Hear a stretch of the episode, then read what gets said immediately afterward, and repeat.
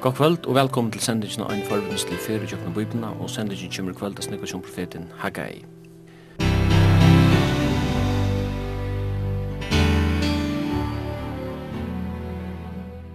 Henda sending er at høyre lintene kvart mykje kvöld klokka 19 og endersendt vir frugjedag 17. part klokka 15.30. Og i studion er Svimen Absalonsen, Jekvann Zakariasen og teknikar er Taurur Poulsen.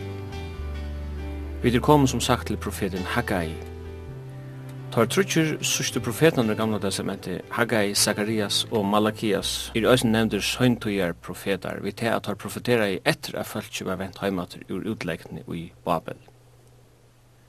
Haggai er sera latter at tujarfesta, at at han langu i fyrsta verset sier at år gods kom til hansara, anna ari og i Darius sett vi styrir, og han fekk bo om a skriva ta nyr og levda det til landstjøran Sirababel.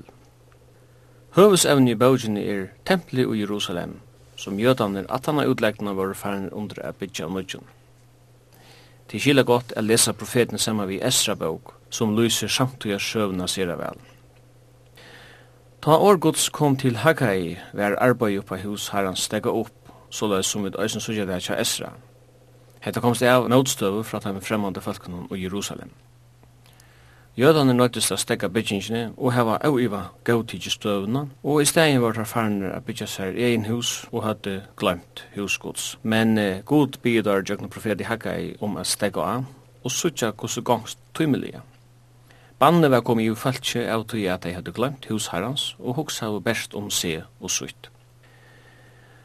Båskaperen til Haggai hever bor avvøkst, Falkje tåg arbeid uppater a byggja husherrans, og og tævi sera stauren ugenskap Og god lova i æsni at hetta tempelet skulle få en større dord enn det fyrra tempelet. Profeteren tåsar æsni om eina komande dord i samband med hetta nødja tempelet, som skal være til sikning fyrir allan heimen. Hetta kan neva siba til anna enn at han og koma skulde Kristus sjálfur er tempelet. Ta huset var røst, sikna i god falt til eisen tøymelia, og bøgjen endar vi en særligere sikning og halse fra god til landsjøran, Zerubabel. Babel. Båskapen i bøysen til okken i dag er, hvordan prioriterer vi det? Er det jeg og mitt som er nummer 8, eller er det det som hører gode til? Bøysen minner okken av år Jesus her i fjallapredikkene. ikke først rydgjegods og rettvis i hans så skal alt dette være givet tikkun omframt.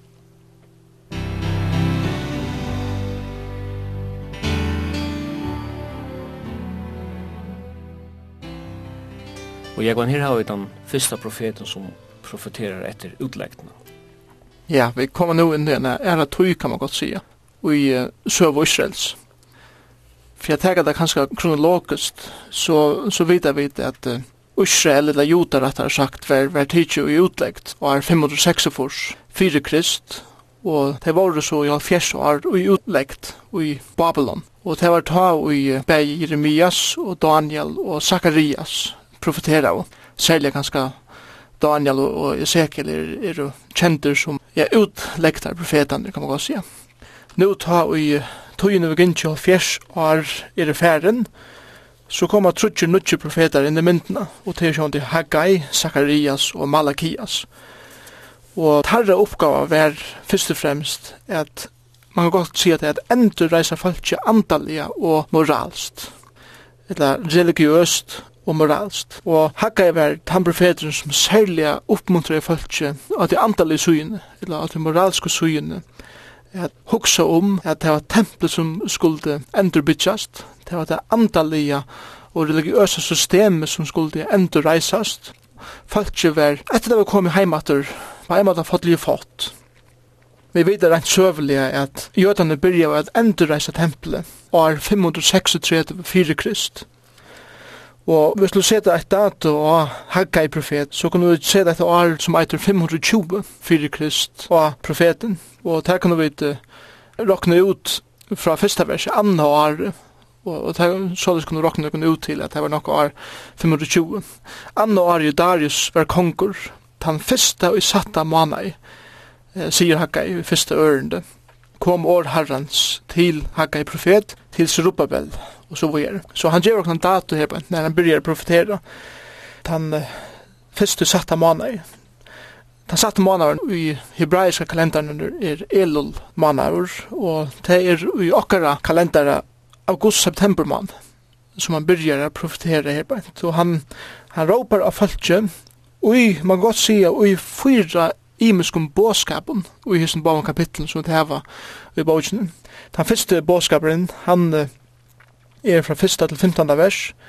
Annar bådskaperen er fra eh, øren kapitlet 1. til 19. vers. 3. bådskaperen 11. til 19. vers og fjore bådskaperen 20. til 22. vers. Så da jeg leser Haggai så bøyde jeg seg på kapitlene opp i fyra iveskrifter som er fyra imeske taler. Det er noen andre måter man kan eisen bøyde opp på. Onker hever bøyde opp i trutjar i beskrifter. De første etlu versene i første kapitlet kunne vi kalla for avværing gods til falskje om at endreisa tempelen. Fra 12. til 15. øren i første kapitlet kunne vi kalla for atmosfær folksins til kall gods. Og andre kapitlet, det er hvordan god så sverar falskjen atur, at de heva sverar hånden. Så det er mye måter vi kunne oppbyde disse boken på. Hvis vi tykker at profeten Haggai, så synes vi at han gjør ikke det som sånne er profeter, at han fyrir að refsa avgúta dorskan og moralska og sosiala synder. Han, han koncentrerar seg utelukkande om templet, altså Guds hus, som uh, grunden var bara lagt til, men ikke var arbeid var ikke kom vi er ved å bytja. Og hvis vi ikke er et helgedom eller tempel som er et hotak i Guds året, så synes vi at um, det blir langt i øyemarsene at Øysas folk hei uh, vittnesborer, de hadde vittnesborer til alt det. Så at kommer så tabernakli inn i myndina som Moses fikk fire myndina fra fjallet noen, bøynleis fra gode, og det var ikke en faste bostad, det var jo et telt som ferreist, og i falskvær jo av fer. Og så at kommer så Salomons tempel inn i myndina. Og her vi byrjar egentlig av kongatøyen i Israel. Og det var jo tidsi nursli i Jerusalem. Og et apryliga tempel blei så øylagt en 300-400 år sættni av Nebuchadnezzar i åren 500 og 600 så hadde jødan ikke tempel da fyrir utleggt. Og nå tror jeg så vi er få et nytt tempel. Og det var jo tidsi nursli enn i fyra år etter at Haggai byrjar å profetera, det er så i åren 500 og 16.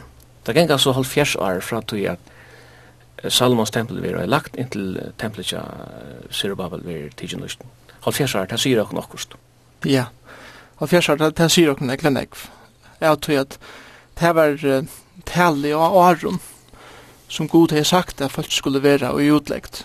Og han har sagt det eisen i jøknen, Jeremias profet og Mian Daniel så er utlegt og i, og i Babylon, så en dag så sier han og blir i kjøkkenen, Jeremias profet, og kommer ned av hans skriftstøyen og Jeremias, i halde 25. kapittel, at at det er fjers år, og han sier at det er fjers år, det er, det er kjøtt kommer av enda, og at det oppmuntrer Daniel til at det ikke følger til, til at Jesus klarer å fære heimater, og, og endre disse tempelet folk kjem så søver heimater og byrjar nastan beina veien eller endurreisa tempelet. Vi tog for eia at jeg kunna ja, kunna søkja god av nudjum og til en avhård spurningur seg sjálfun må man bytja ein fysisk bygning til tess at kunna tilbya god og Sverige her kursi fra okkara perspektiv er nei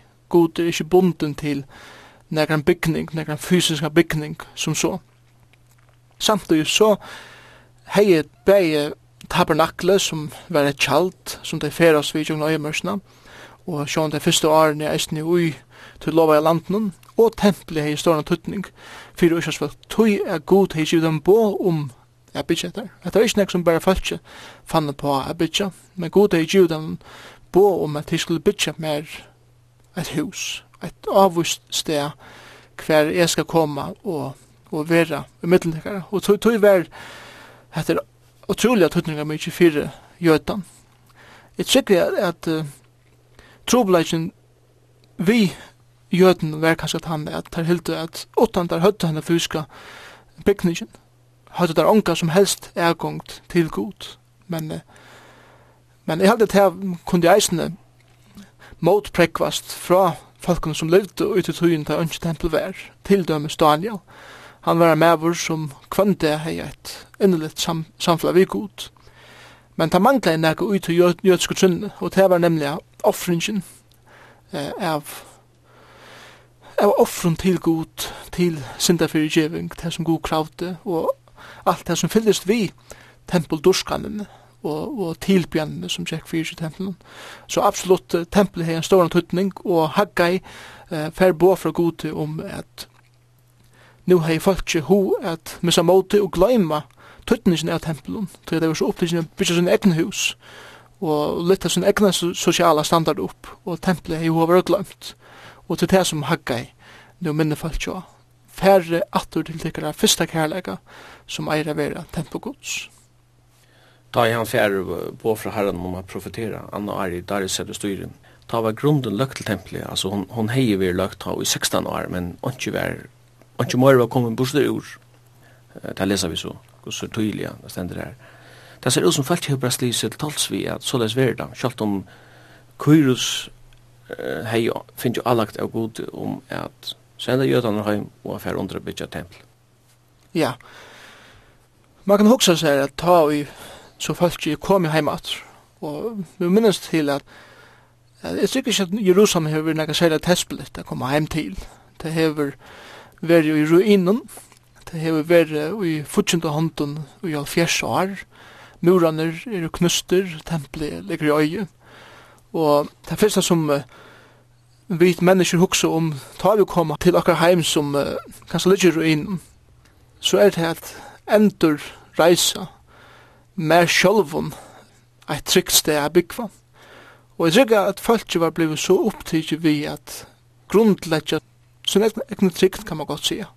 At hei glemte god og de glemte sin fyrsta kærleika. De glemte han som hei lova dem at han skulle føre deg heimater til sitt egna land. Og Anna til 8. vers og i fyrsta kapittel lyser ekklega vel hvert god høyre sida vi folkje. Han sier jo Haggai så sier Herren god til skærene. Hetta folk sier, enn er tøyen ikkje komen, tøyen er bytja hus Herrens. Og Herrens kom til Haggai profet, og han sier, er tøyen det kommer til tikkene byggva i brøst av husen tikkere, men hette hus, det er tempelet som han sier på til her, ligger i øye. Tøy sier nu Herren god til skærene så, Legend til merkes hvordan tikkun gongst. Tid så negv, men løyde kjemmer i hus. Tid etan, men ver ikkje mett. Ti drekka, men få ikkje tostan sløktan. Ti klea tikkun, men ongen ver heitur, og tann ut henur fyr løn, fer lønena i hålotan punk. Vi gjør når han misser peningen som han tjener. Kjende ørne, så sier Herren god til skærene, legg til merskes hvordan det kan gongst. Færre nian av fjøtlen etter vi og bytje huset, og det er tøknast mer og ta skal jeg vise dørt mine, sier Herren.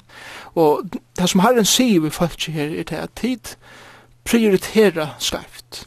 Tid letja deg først og fremst etter at metta tekkar egna munn, sløtja tekkar egna tosta, få tekkar løn som tid eller tid hava oppebori og så videre, og ørsle det er at ånden er mettur. Ødgenga tist, og ånden hever negran pening, er gjerra negran fyrir, om til det som det er støyla etter, Men herren sier vi om tid prioritera med første løyven. Så skal jeg sørge for at alt hit kommer opp på plass. Se det med først, så skal alt hit komme. Og det er eh, første år Haggais til, til dette folk, til første talen, eller første båskaperen, og i sånn versen. Og Hatta minner mig av sjående Matteus, kapitel 6. Søkje fyrst rujtje gods og rett for hans så skal alt hetta, og til, til det daglige som det er bruk for, med at klæger når jeg høtten, for det er givet ikkon omframt. Og jeg tror at det som vi lærer fra Haggai, er til at om vi prioriterer rett og sitter god først i løyvenen, så får han eisen i syrja fire, ötlentøy som vi tar bruk for, ikke enda det som vi vilje heva, men tøy som vi tar bruk for og i akkurat daglige løyv. Hetta templet som du har bygd jo opphatter her, under løsle av Sirubabel. Det var som en pikkelødel skurer samanbord ved aprilia templet av Salomon. Det sa ikke det ut. Nei. Templet til Salomon, det kom omgang det at han dørten som det templet hei, ja, og det pryet som det var fire Israel, det kom omgang det at. Og vi leser eisene, den tja profeten, jeg hadde tja Zakarias profeti, at, at her gamle og her eldste gråte om tempelet, hvordan veselet dette tempelet var, at det måtte til veldige tempelet som Salomon hei bygd. Og de unge, de gleddest. De unge, de gleddest, ja. De hadde kanskje ikke nekka sevanbæra vi som de gamle høtte. Men det som er størst, størst tøtning for folk er ikke endelig hvordan så tempelet ut utan, men hva var det som tempelet innebær, og vær god til stier, eller ikke.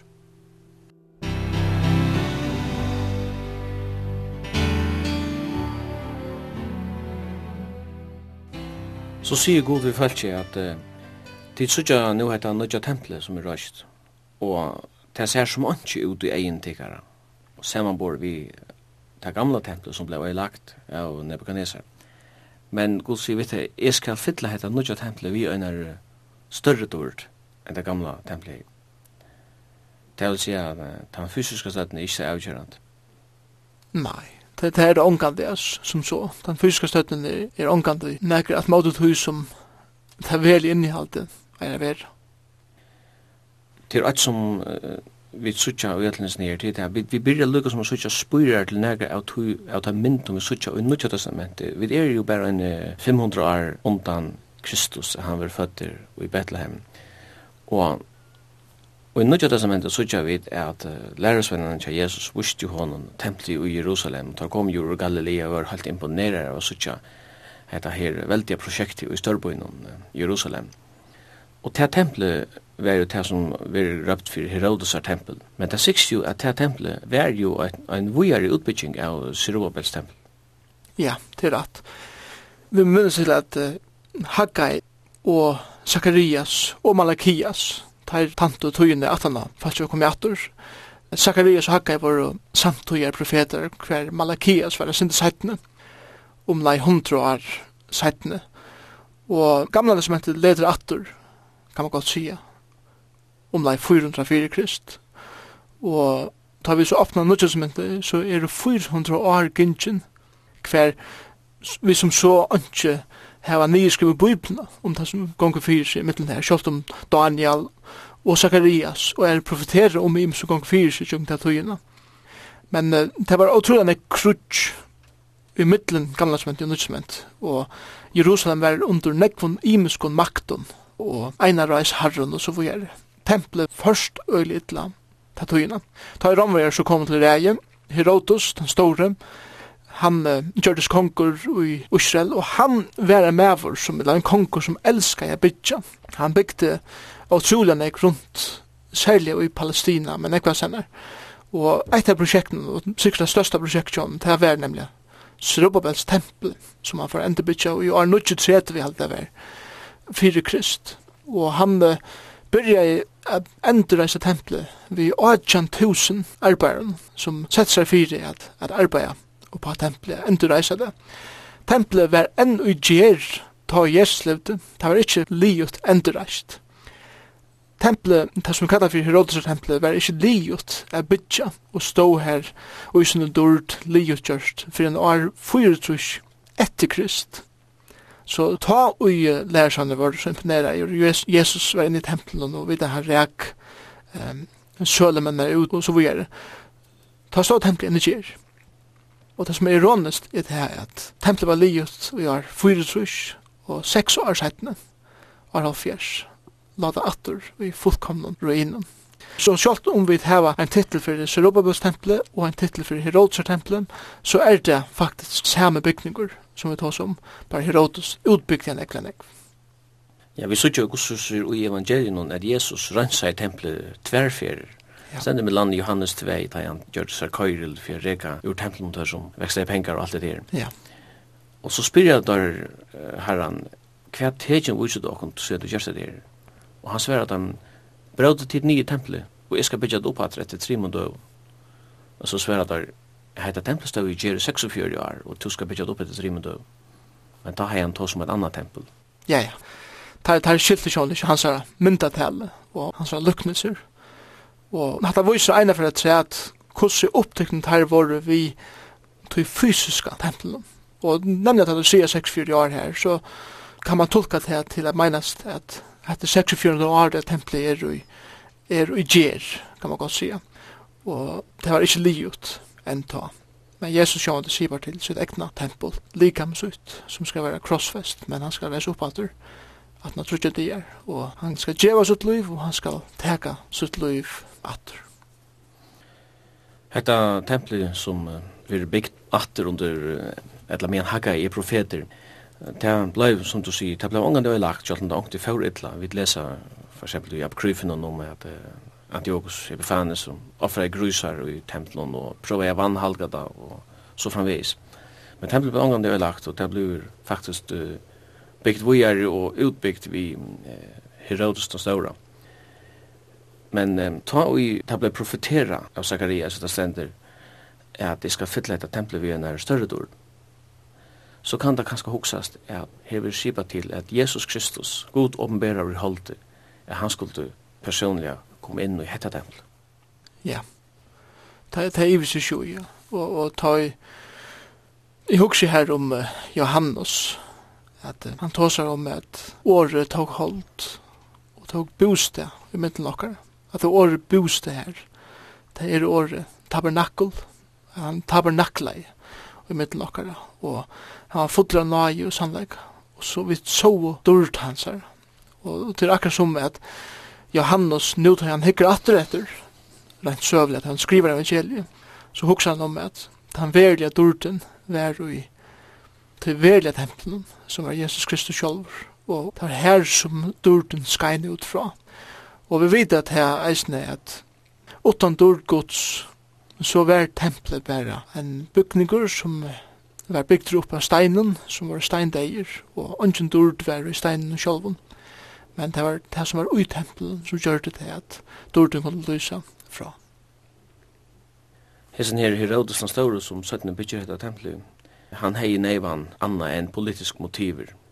Jeg mener, det var jo den samme Herodes som eh, sette jo i gang til Badnamorgen og i Bethlehem. Det var samme mauren, ja. Og hans her bygningsverk var først og fremst for at oppleve seg egna navn og fyrir at bliva populærer i middelfaltje. Men uh, samtidig som han bygde nek, så, så var nek som stående motor til at han brukte traldom til at bytja vi, og han leie, eller romerska rujtje kan man godt si heldur, leie huan skatt av falskje, og så videre. Så bygningsversten i seg sjolvun så ut som han durt utvendut, men han kostai nek fire falskje som var stenen. Så han var bæg populærer, men eisne ekkule opopulærer i middelen folkje. Jeg halte man kan se ut fra profeten Haggai at god innskjer at tempelet skal være bygd og endurøst, og tempelet skal komme til sitt ratta plås atter. Vanden er at man undermeter tempelet, at man meter kanskje det ikke nøyet, men vandet kan også være det er at man må eller mindre fri til å dyrke tempelet, til det leser vi om, at det hadde jøder gjort fra undan, at uh, tar nær sagt tilbøy av tempelet. Ja, og det er trykker det her som, som vanden var. Vi da ser henne vandan før, at ta i Moses litt upp i ormen i øymørsen, henne kåperarmen som han bygde, så at de som var biten av slanken her bant i øymørsen, de kunne hitje at ormen og så ble det frusk. Og hesten ormen ble til en avgod, og det samme hendte i tempelen, at folk var så konsentreret om byggningen sjolvan, at fokusjonen for av til, til velja til til fysiska, og, og han får av til åskjønlige, kan man godt sige, selv om dård gods vær skjønlige i tempelen, men kan så, så var det mer opptidsne av å suttje steinene, og det er som de kunne vise falskene rent fysisk. Og det er en stor vante enn det, til hos folk, at tilbyja og seta det fysiska og kjønnelige hakre enn det som ikke er fysisk, og kanskje åkjønnelig, men det er det som god ikke. Kan det kjøysen huksast at uh, tar vi tog som uh, samkommer, møynigheter og kyrkjer at uh, det er mentale og det sosiala, det dominerer som vi nekve, at det andalige forsvinner. Ja, det er sutja vidt, atter og atter, bæg i jøgnen, kyrkjesøvene, nå oppjøgnen 2000 år, og vi sutja det eisene avspekla, kanskje jo krekna samfunnet, bæg i kyrkjen og samkommer, bygningum, Sjående er, er mentan en stor pastor av hver vi er. Men uh, tar man for å blanda mentan, stat og kyrkje saman, tar i vanten, nemlig at han er at vi letja okken etter at konsentrere okken ut til og akkurat godstyrskan blir jo bare en ånder mentan akkurat som at hava en konsert eller at hava en framsynning eller, eller hava en fyrles om, om okra evne at det kommer samme støy, Men hva er vel sagt heldur at vi er jo menta i at han nått at vi er genge på i at fylgja vi, vi er heva konserter og listamalarer og alt det som skal til her. Men vi kunne ikke se det, det er andalega samme støy, det er med å standa oman fyrir alt hit. Og det er standa det som er kronan og ötlen og det, det må separeras trygg vi fullkomliga fra ötlen hin og tog at det kan ikke blanda saman. God er han som vil tjena, god er han som vil loja, Og, og han er, er lengt oma fyrir alt som eitir fysiskt og alt som eitir stadur eller mentan. Han er han som er ræver öllum tøy og alt hitt fettler under det og hitt eirast han det. Ja, man kan ikke lade være i hoksom at Jesus eina for kallar for templet for at han sier at det skal være bønhus, men de gjerra det til at uh, rånsmanna bøle. Og ikke så øyne nek år etter at dette templet var endurøys, dette Sirobabas tempel som Haggai og omtalar ta tror en annan profet enn Patel Malakia så han sier en sån hei, det var anker medeltekare som kunde stankt templet när så til det lunches kjente eld altar mun. Ta viste så som man alltid bare kom inn i en rytme, og ta andal inn i alt i halva ur godstyrskan. Ja. Og hette bare hundra år at han har et Haggai og Zacharias. Det var etkja folk til å bygge henne bygningen, Og tog verre så tjøkne hese atterligene, så, så hadde atter mist det som velja var for eia. Og det var atter kommet til at bygningeren var det som er mest tøyende for oss. Og her er det Malakias, taler og gods, som vi får komme til siden. Hette kan minna meg av eh, alt som åkte vi tidlig til, at han som ikke har lært av mistøkken ur sjøven, han er dømt til at endertega deg. Ja, det er helt sikkert. Jeg hadde lært mer av, av søvene, tror jeg. Jeg er sikkert at vi huksa alt for nek bare i mine tøy og frametter. Stedet for at hitja atter etter og sige, hvordan kan jeg leve det og ljósen av det som er hent over? Og det har hjulpet meg eisne og gjør meg vogn til at leva tøymene som er fyrir framman. Men det var ikke så i öllum områden i løyvenen, så, så er vi så tøyarbunden at vi glemmer ikke at Vi lærer ikke av søvende, vi lærer ikke av erfaringen til øren, som begge har gjort rett, og hvordan det gjør det rett, og hva, hva det det var, men eisen tar i folk har gjort det som skrefter, og hva etterfylgene, eller fylgene våre av tøy, og hva det så gjør det for å komme på rett spår, atter, og så videre. Det var ikke så at folk ikke, er dutt ikke ikke atræt, men det hukte bare etter sin egen tøy, sin egen samtøy. Hvis vi venter atter til det, tempelen, som sagt, det ble grunnlagt i Arne 563, vi tog at perserkongen kunne seg, lukka som lust sitt valgsiktelse, men så blir jeg motstånd fra samverden som bor i Israelsland og arbeidslegger jo opp. Og ta så profeten Haggai og Zacharias uh, inspirerer av god ikke er jöten til at taka arbeid opp at det ta høyde det som så ikke var meldt løyve fra kongen, men det er fyrir gongt allukka vel, og så kom kongren valgsiktene etter arbeid. Og den kongren, det var Darius, Og så kan man bare spekulere i hvor i Darius vær positiv, selv om det er det en god som styrer hjørten kongsen som det stender i åretøkken. Men jeg kan ikke lade være i hokse om at hessen her gode Darius, han er en av hovedspersonen og en av de mest dramatiske hendingene vi leser om i Gamla Testament. Og en ser jeg vel omtøk sundagsskolasøveisen. Ja, og, og ta, han søvende sjående om Daniel og i, og i leivebøllen. Og vi, vi sutja eina fyrir tre at her kusse god er i kontroll av öllum som hendur. Ta og i falskje var først til utleggt. Ta var en, en unger teenager vi og just hopen som han ført til utleggt. Og han er Daniel. Daniel han var siknaver av gode og han kommer sjående og blivur ein tan hakste i landen under kongen. Og vi leser om Darius i Daniel 6 til dømes han var metare.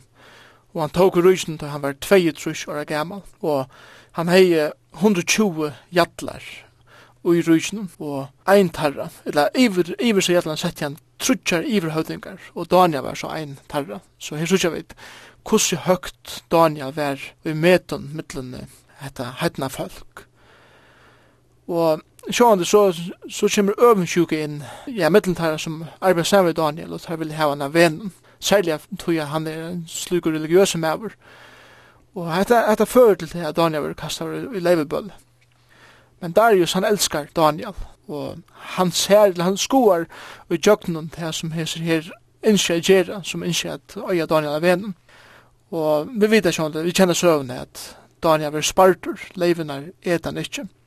Og alle hine var kastet inn i leivenar og tar skria, tar sundur og Daniel var bjergavur. Men så leser vi i Daniel 6, og 26. ørende, hva Darius kjer, så han skriva i Darius konger til allar tjover og atter, og til all tungumal, og allar hjørne. Og han sier fri over tikkun, og i rykumale. Og så er det her.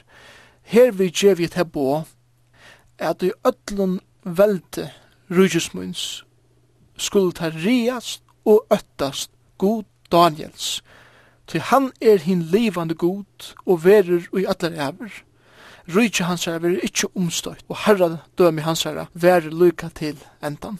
Så, så her sørger vi samme mannen som, ja, ja, som, uh, gjør sine sikninger hånd til at tempelet verer endreist. Og kvoi, er at han kjente hvor god vær. Han kjente hva god er mentere gjerra, og han hei finnje egin i åpna i fyrir hvor god Daniels vær. Og han hei sikkert pratet med en gang vi Daniel om kunne vi kurser hoksa okon om tempelet og om godsdyskanina tja jötnen og så videre. Og nu tar vi jødene i fannu gongt og fölkse fölkler i fått de boia i 15-16 år og han til fyrir gongdansur ta kjem der i satsen i myndene og han oppmuntra fölkse og etja dem til at affæra bytja. Så, her, så herren han brukte den haksta myndlegan i rujtnen at signa et lydig arbeid som fyrir gongt i en liten boje og i sin stora rydg. Vi vet at Daniel han utleie dreima for Nebuchadnezzar, og Nebuchadnezzar er leie i Jerusalem 546 fyrir Kristus, og her stender Daniel framma fyrir Darius, og Darius tog vi i 521, det er sin trus av fjes år søttene. Så tann Daniel som ble tvette fyrir løvene, har ikke vært unger med år. Nei, det, det var han altså ikke. Onker heldur at han var kanskje ut mot 5 år gammal, da han var kastet over fyrir løvene, Men uh, ofta tar vi hugg som Daniel, så sykja han en unga, fruska mannen fyrir okk. Og det var han sjåan, til han kom til Babylon som uh, en unger, dronker, kanskje, en seitjan, 20 år gammal. Men nu, ötlis jo åren settene, så, så er han var en gammal maver. Stad vekk vi hessen unga, fruska eldhonen som brent i hans sal til at han herren. Så man kan se självt om han blev fördur i utlägg som blev onker och möjliga onkan tog kom heimater så har han haft en väldig antydning för ändrörelserna av landet. Ja, det är helt säkert. Han han heja en omedelig tøyande past og i at fólki kom heimatur og kussu dei kom heimatur. Av tøya Daniel sette jødska fólki i så gott ljós og i beide babylonska røyknen og i de perska røyknen så fikk på omkring måte kongeren en tokka til Daniel, og Jøkken Daniel eisen til det jødiska folk. Så selv om jøder var jo utleggt i Babylon i fjersvar, så, som det var sagt før, så var det ikke handfæren som barbarer som syrer mengan gjørt. Og vi leser Jeremias, at folk i Babylon, de høtte eh, sin egna handel, de hadde sånne egnu godstjenester, hadde kjøtt sånne egnu eldster og leierer for sånne sina det kan man kalla det, sånne egnu kommun, kan man kanskje kalla det innenfor det babylonska rujtj.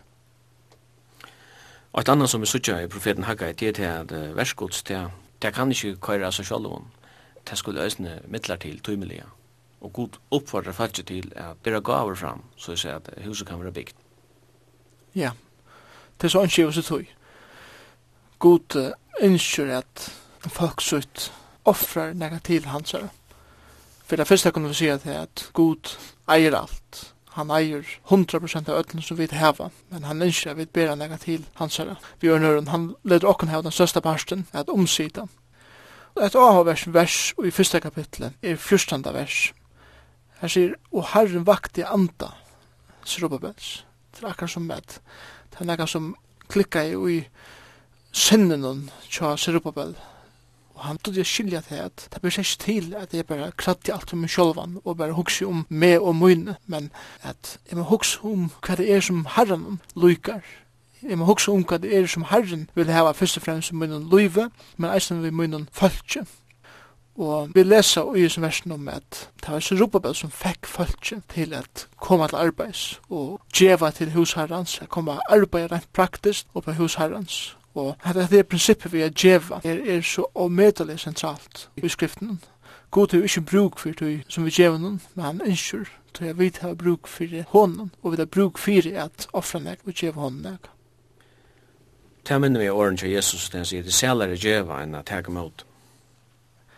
Ja, og et annet åren som jeg husker om eisene, det er at God elskar gleden djevar, og Jeg, jeg tror at ta i folk er ferdig en gang til at byrja at djeva til huset.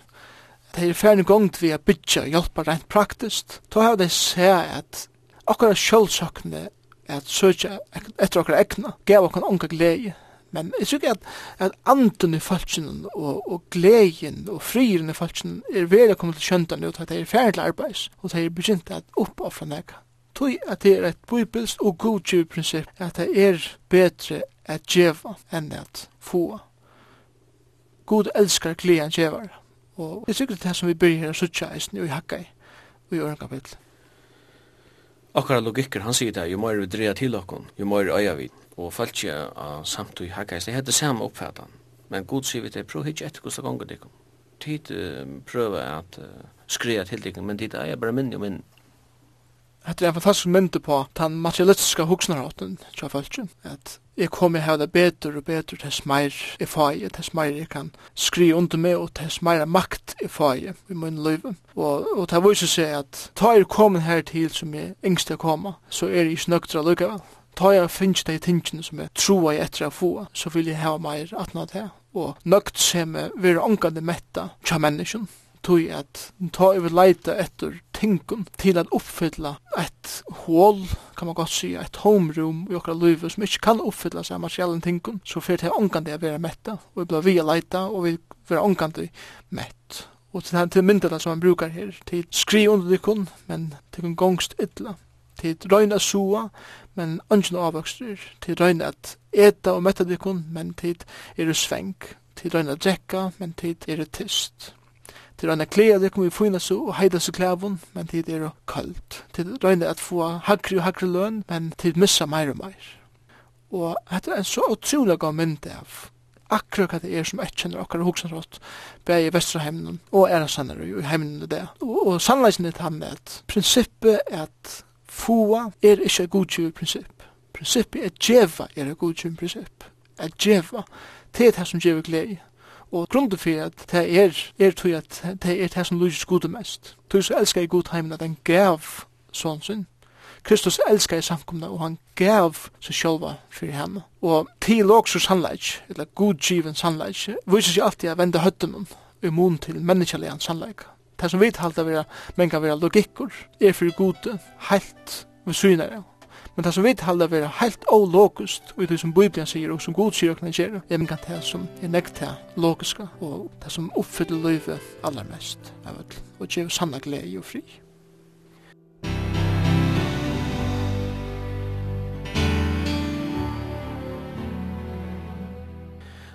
Og i det 17. kapitlet til Haggai, her kommer profeten vi er mynd og tåsar om det her ceremoniella i loven, ja, ta og alt et annet vær årent, og en prester kom nästa vid som er årent, så blei alt det vannhalka til eller som presteren nevn vi. Men Gud sier omvendt hvis ett eller annet var halka, så halka det här inte det som det kommer i samband vi.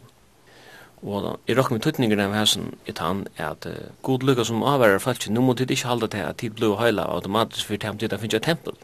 Tid må halka til sjálv. Ja. Vanten vi er få det fysiska templet var det att det nevner som du säger att jag tror vi nu att det finns ett fysiskt tempel så blir det bara automatiskt heil. men uh, det som man viser av er det at tempelet og det som fylgjer vi tempelet i seg sjolven fyrir ikke å føre et menneske nærru god kan man godt si det kan godt være at god og i tarra egen var nærre teimen men uh, spurninger var voru tei neka som helst nærre god hver var hjersta der hver lå verlig brennande hovert herre etter gode, var det horen etter en bygning, og såleis var det en ekstern, eller eksterner heileleidje, eller var det en, en interner, en langsel innanifra, etter å komme kjenne god beter, han som bor i tempelet, og til mynd som han trykker, som han, som han brukar her. Og i kapittel 2 leser vi det så, for eksempel i ørende 2, sier vi Serubabel som sier alt i hjelp landstjør og juda, og vi Josva, son Josadak høysprest, og vi teg som etter er falskjennom. Hever nekar tikkara, og etter er se heta hus og i fyrre dår tess, og hva halda tid om teg nu, er det ikkje som antje og i egen tikkara. Men ver til horester, sier Robabel, sier Herren, ver horester Josva, son Josadak, til høvesprester, ver horest alt falskjø i landmån, sier Herren, og arbeid, du er vittikon, sier Herren god herskaren. Sottmalen og jeg gjør det vidt tikkun, ta de for ut av Egyptalandet skal standa faster og andemun skal bygga middlikar øttest ikkje, tog så sier Herren god herskerana. Øyna for enn, og herren lengt omløy skal rista himmel og gjør hev og turlende, jeg skal rista allar tjauer, så allar hinar dyrabær skatte tjauana skulle komme her. Og jeg skal fylla hetta hus vi dyrd, sier Herren god herskerana. Og er han sagt at han dyrden skal være større til han tås om omfirm. Og jeg kan ikke lade være vi som videre vi kommer til enda av gamle testamentet, og nødja testamentet til er togjer med seg 500 år framme for. Og hesten her gav Sirobabel som var landskjøret, som er den løyeren, eller man kan si at han politiske løyeren med jødene som er kommet hjemme. Han færre så trøstar årene til profeten. Og tar vi åpna nødja testament, Matteus, første kapittel, så byrjar Matteus vi nødvendig så menneskelig tala, så turreslin som en er attertalv. Og så stender det her i vers 16, så les er det attalegene fra Abraham til David, fyrstan li, til seg fra tog at Satomalen da lyfte ved Given og til kongane søgna fram Israel, fyrstan li, fra David til herløynsna til Babylon, til fyrstan li, og fra herløynsna til Babylon og til Kristus fyrstan li, til under prestenom. Så stender det i øyne i øyne til, etter herløynsna til Babylon, 8 se Sealtiel, Sealtiel 8 Sirupabel og Sirupabel 8 Abiot og så videre. Og her har vi et attertall Jesus her. Ja. Det er fantastisk å lykke av det. Herren skal bruka en sluga mann, en politisk leier, eisne til å være ut i linen som den lovande, eller lova i Messias, kom fra. Og, og tøy tøy er Srubabel et, et område navn. Men kan er Srubabel kanskje meira kjentur som den politiske leieren som var vidt at endra seg og ikke som han er tjov, heldur enn en som var vi i attertalvene til at Messias skulle være født. Vi tar vi har noen, altså han blir ikke kallet for konger, det bruker året landstjøra, kong, kongen er, eller kongen rådde jo Persien, dette var jo et, et land som var underlagt Persisk herredømme, men det hadde jo velsignelse fra kongen og sånn, hvor året landstjøra brukte det Og han er av at Jutan som var kongaten i Israel. Og presteren Josva, han hørte jo av gang rundt til Levittan her. Og her har vi profeten Haggai og Zacharias. Så vi så ikke følge, vi så ikke tempelet, og vi så ikke prestene, og vi så ikke profetene, og vi så ikke kongene her. Og alle hese tingene, de kunne være sjøve sammen i øynene navnet til Kristus. Ja, det er helt sikkert. Og vi leser sånn, det er nødt til at Jesus, han er konkur, han er, profet, han er profeter, og han er prester, alle hans er trutjer titlaner saman, og han er konkur fyrirfaltje, han er profeter som ber årgods tilfaltje, og han er prestergods, framfor årsjongods, at sier at ena for at sier at fire falskje. så, så den politiska mynden i landen og den religiøsa mynden og profetiska, hon er funnet i ene person som oppfyllte alt det her, som Israel langtes etter, og til å være finne i Kristus selv. Og han er jo sjálfur templet, så kanskje til avnægt jeg sitter spørningen hver sutja vi Kristus i profeten Haggai. Ja, det, det er akkurat det. Altså, til Kristus, han er sutja nekvastanar i Sibojsen her, vi sutja mynden av i templen, mynden som han brukte seg sjálfun. Et annet sted som vi, som vi sutja Kristus. Kanskje sipa nok snakk til framtøyene, ta Kristus skal endreisa, rujtje ut. Og kjenderen det, jeg skal rista alle tjover, så alle henne dyrebør skatte tjovene skulle komme her, og jeg skal fylla hetta hus vi dørd, sier Herren God, her skærene. Mykte silvere, mykte godle, sier Herren God, her skærene. Hetta settende huset skal være, eller hava større dørd enn i fyrra. Det kan være eisen her at han sier til at ta i Kristus, for å komme atter og endurreise sitt rujtje.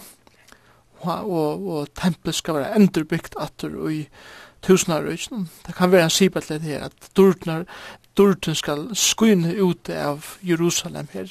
Tjåna for å strema til Jerusalem er tilby herran her som han sitter som, som konkur og det tempelet skal være så og møter nek større og ikke noe dårlig enn nek annet tempel hever vært i åren til. Og til nok til tempel som kanskje Ezekiel profeter talar om i sinne bok. Et annet sted her vil sudja Kristus og i Haggai er i øren kapitli og vers 20 og i utet år herrens kom ære fyrir til Haggai den fjorda og tjuvenda og i manainon. Han sier Sivi Sirubabel, landstjøret Jota, Jeg skal rista himmel og jord Jeg skal kolvelte hasaten kongana og gjøre enda av styrkje heitningar rujtjana. Jeg skal kolvelte vagnun og taimun som i taimun sida. Hestane skulle falla og, og teire taimun ruja. Hvor skal falla fyrir svore annars? Tante sier herren god til skærene, skal jeg teka til hese robovel. Tænar moin, sier herren, jeg skal gjøre vi til som vi innsikles ring, til til har vi utvalgt, sier herren god til skærene. Så akkur som etter etter lyfte til Zerubbabel, Kjolvan, samtidig som det hikker lengt fram om hans her tog, og hikker fram til ta i Kristus skal komme atter av himmelen, og han skal gjøre fullkomna enda av öllum som han steg hånden mot. Og dette minner meg ekkla nekv om løysingina ui oppenberingsin nøyjan, at de som er store og små, de som sitter hesten og og klar til bare det skulle fettla for svør i hans her som har hesten og sett, så vi er. Og det blåbæge som Armageddon tåsar om, da er Kristus skal gjøre enda øtlen ønskapet og husen heime. Og jeg sikker han hikker fram til det her reisende, da er Kristus fra enda jeg kom atter som domar.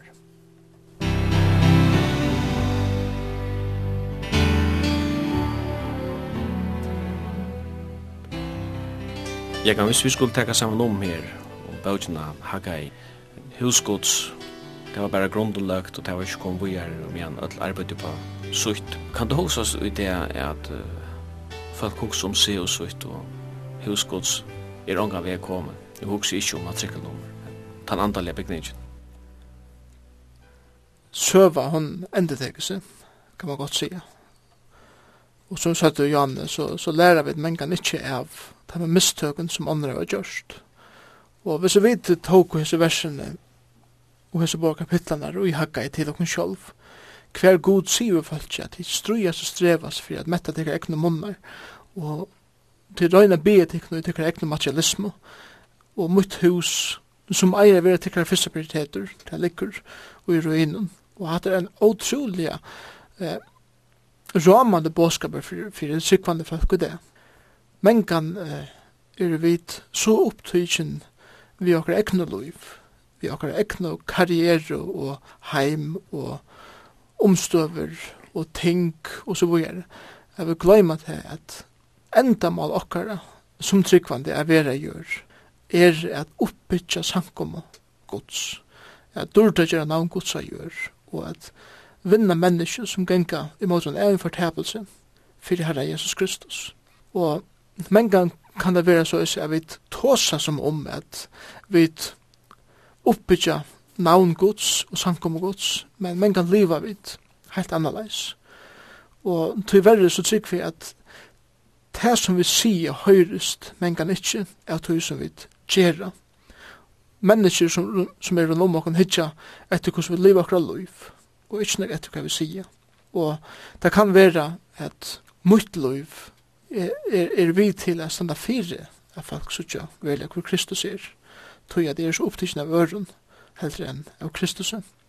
Så måtte vi last eisen i det at prioritera at, at spurt med sjolvan, hver er Herren i min liv? Hver, hver for plass hever han i min liv? Etta kjem min karriere og mine åkner og alt det som hever med å gjøre framom. Nå, det er ikke gale vi at hava en karriere. Det er ikke gale vi at hava ting. Det er ikke gale vi at, at utvikla ter godgivende gavner som har nu givet mer innanfor så utrolig nek område som, som folk kunne være involvera i. Men spurningen er, er det sett fram om tann som er givet mer ter gavner. Etla tætsi er det som har nu givet mer og brudst etla lære for han. Munnar okner. Liv i sort løy hva jeg sier, herre to eimen okner og jeg ikke bruker det først og fremst for det. Etla, lever så løy, kan jeg si, herre, to eier mine talent, til to som gir meg det, om det er at smuja, eller bæka, eller seima, eller rokna, eller tekna, eller hva det så er. Sier vi herre, herre, to eier til talentene, og det som jeg gjør, sier jeg først og fremst lære for det. Min pening, min bankabok, det, det eier to, og ikke bruker det til ære for det. Jeg tykker at ta er prioriteter enn rattur. God sender meg rett, og hitt stender til tess at oppletta navn gods i min liv. Ta, ta veri samkomma gods, oppbyggt, og, og Kristus færda steg som honen høyre til. Og mange kan det eisen være så, så i samkomna okkara, det samme som hendte og hagga i støven, vær til at vi byrja et versk, men så kjemur eh, vonløyse og ofrier inn, og vi missa måte, og vi djevast. Men her er atur båskap rokkara, og i kjøkken hakka i profet, at herren kallar okken, og man reiser okken opp og færre gongt, at durrger herran, at bytja sankum hans her upp, at bytja eh, familjeløyv upp, at bytja tjunabond som er knust upp, at, at bytja forhold mittel for eldre bøtt som er ferne sår upp, såleis at, at vi kunne komme atter inn i ratt forhold, vi kunne annan, og vi, Herre Jesus Kristus, og fyra allar eh, sørste, og det aller største trykk vi til Det for vi er her, er at noe mennesker for Herre Jesus Kristus, at kunngjøre at Kristus døye for mennesker, at han Hon tørver ikkje av vir en fysisk temple, men han tegur bostad og i einan og hverje menneska som åpnar sitt hjärsta fyrir hon. Og han ønsker at vi åpnar okkar hjärsta fyrir hon, bjå hon inn, at gjerast frelser i okkara og harri okkara, og han skal komme inn. Og er sjolvor, og to sjálfur som åpna til lov for Kristus i det, to skal være hans herre, tempel, det steget som han teker sin bostad. Og en anmenning som vi får i Nødja Testamentet, som vi giver til godsbøden til er det her, at lete tikkun som livande støyner bytje opp til andalett hos og til en høylegan pressaskap. Det kan være ringt nok å bytja vi deion stein, bytja vi livande støyn, det man var oppa det verre. Ja, det er alltid verre at få oss vi nekka som er livande, som hever sin egna vilja og, og så videre. Men uh, det som er oppmuntrande er det at det er ikke er sjolver som skal som så uh, oppbyggja den livande steinene, men heldur at leta meg være oppbyggdan som et livande stein av til livande i årene som er det som bygger okken opp. Og hvis vi kunne last og i samkommun okkara og i kyrkjen okkara at vi må først og fremst åpna bókina, det er bøyblina, og leta henne tala. Leta orgods være det som avvirskar menneske, og ikkje det eh, som er si og mynar avskåner om ting. Det fyrir det, fyrir vera det som fyrir oppbytja livande steinar, og, og gjøre en bygning som eit sankum av gods, og hese gjør, som skal ha en fantastisk avvirskan av akkara sankummer, og akkara familieliv, og akkara samfunnet. Og få oss vidt det som er levande til er en større avbjørn, selv om det ikke alltid er så nevnt. Jeg mener, til nemmere halda kyla en kyrkjegare enn en badnagare. ja, det er pura rett. Og, og det, det krever mer orskri at, at halda kyla en badnagare enn en kyrkjegare. Så måtte han orskan og han og ta utne og han ugenskapen kom fra herren sjølv. Til aller sust, ta inn leser seg her, profetene er sutt ikke hos eulu i falsk er, og man ser synd og frafall og hvert og sånn, ta inn og sutt ikke sørste vers i Haggai, heita lyfte som er givet til uh, Sirubabel. Og så sutje navn hans her i fyrsta kapitli og i Nudja og i stamtalene og hese 14 atalene fra David eller fra Abraham til David og 14 fra David til Herløy til Babylon og 14 fra Herløy til Babylon til Kristus. Jeg sutje et fantastisk system og så er det, jeg blir jo helt imponeret og sier meg til en god som hevast menneska li mistøk som evigstyrer alle. Ja. Yeah god han ivistur öll og han er sørste året a sia og sjølt om ta menga kan eisen sørja vånløs i utrundet mokkom, så vidar vi at god han er han som styrer, og vi på samme som Sirubabel, vi er nega særlig for Asjon gods. Og her også om år Paulus at men Vere tog faster, elskar vi brøver min, og vitselir, alt er rujtjer i verste herrans. Tog det vita jo at arbeid tikkara er ikkje til ønskjøs i herren.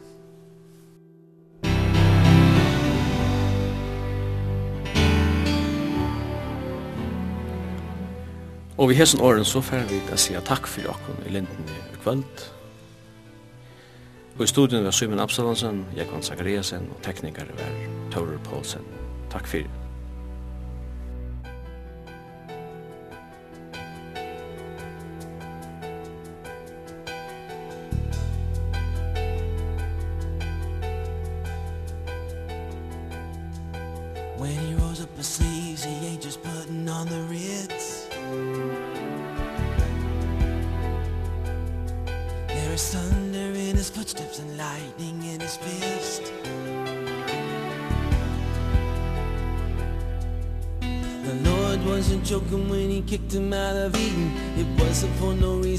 already shed his blood. His return is very close and so you better be believing That our God is an awesome God.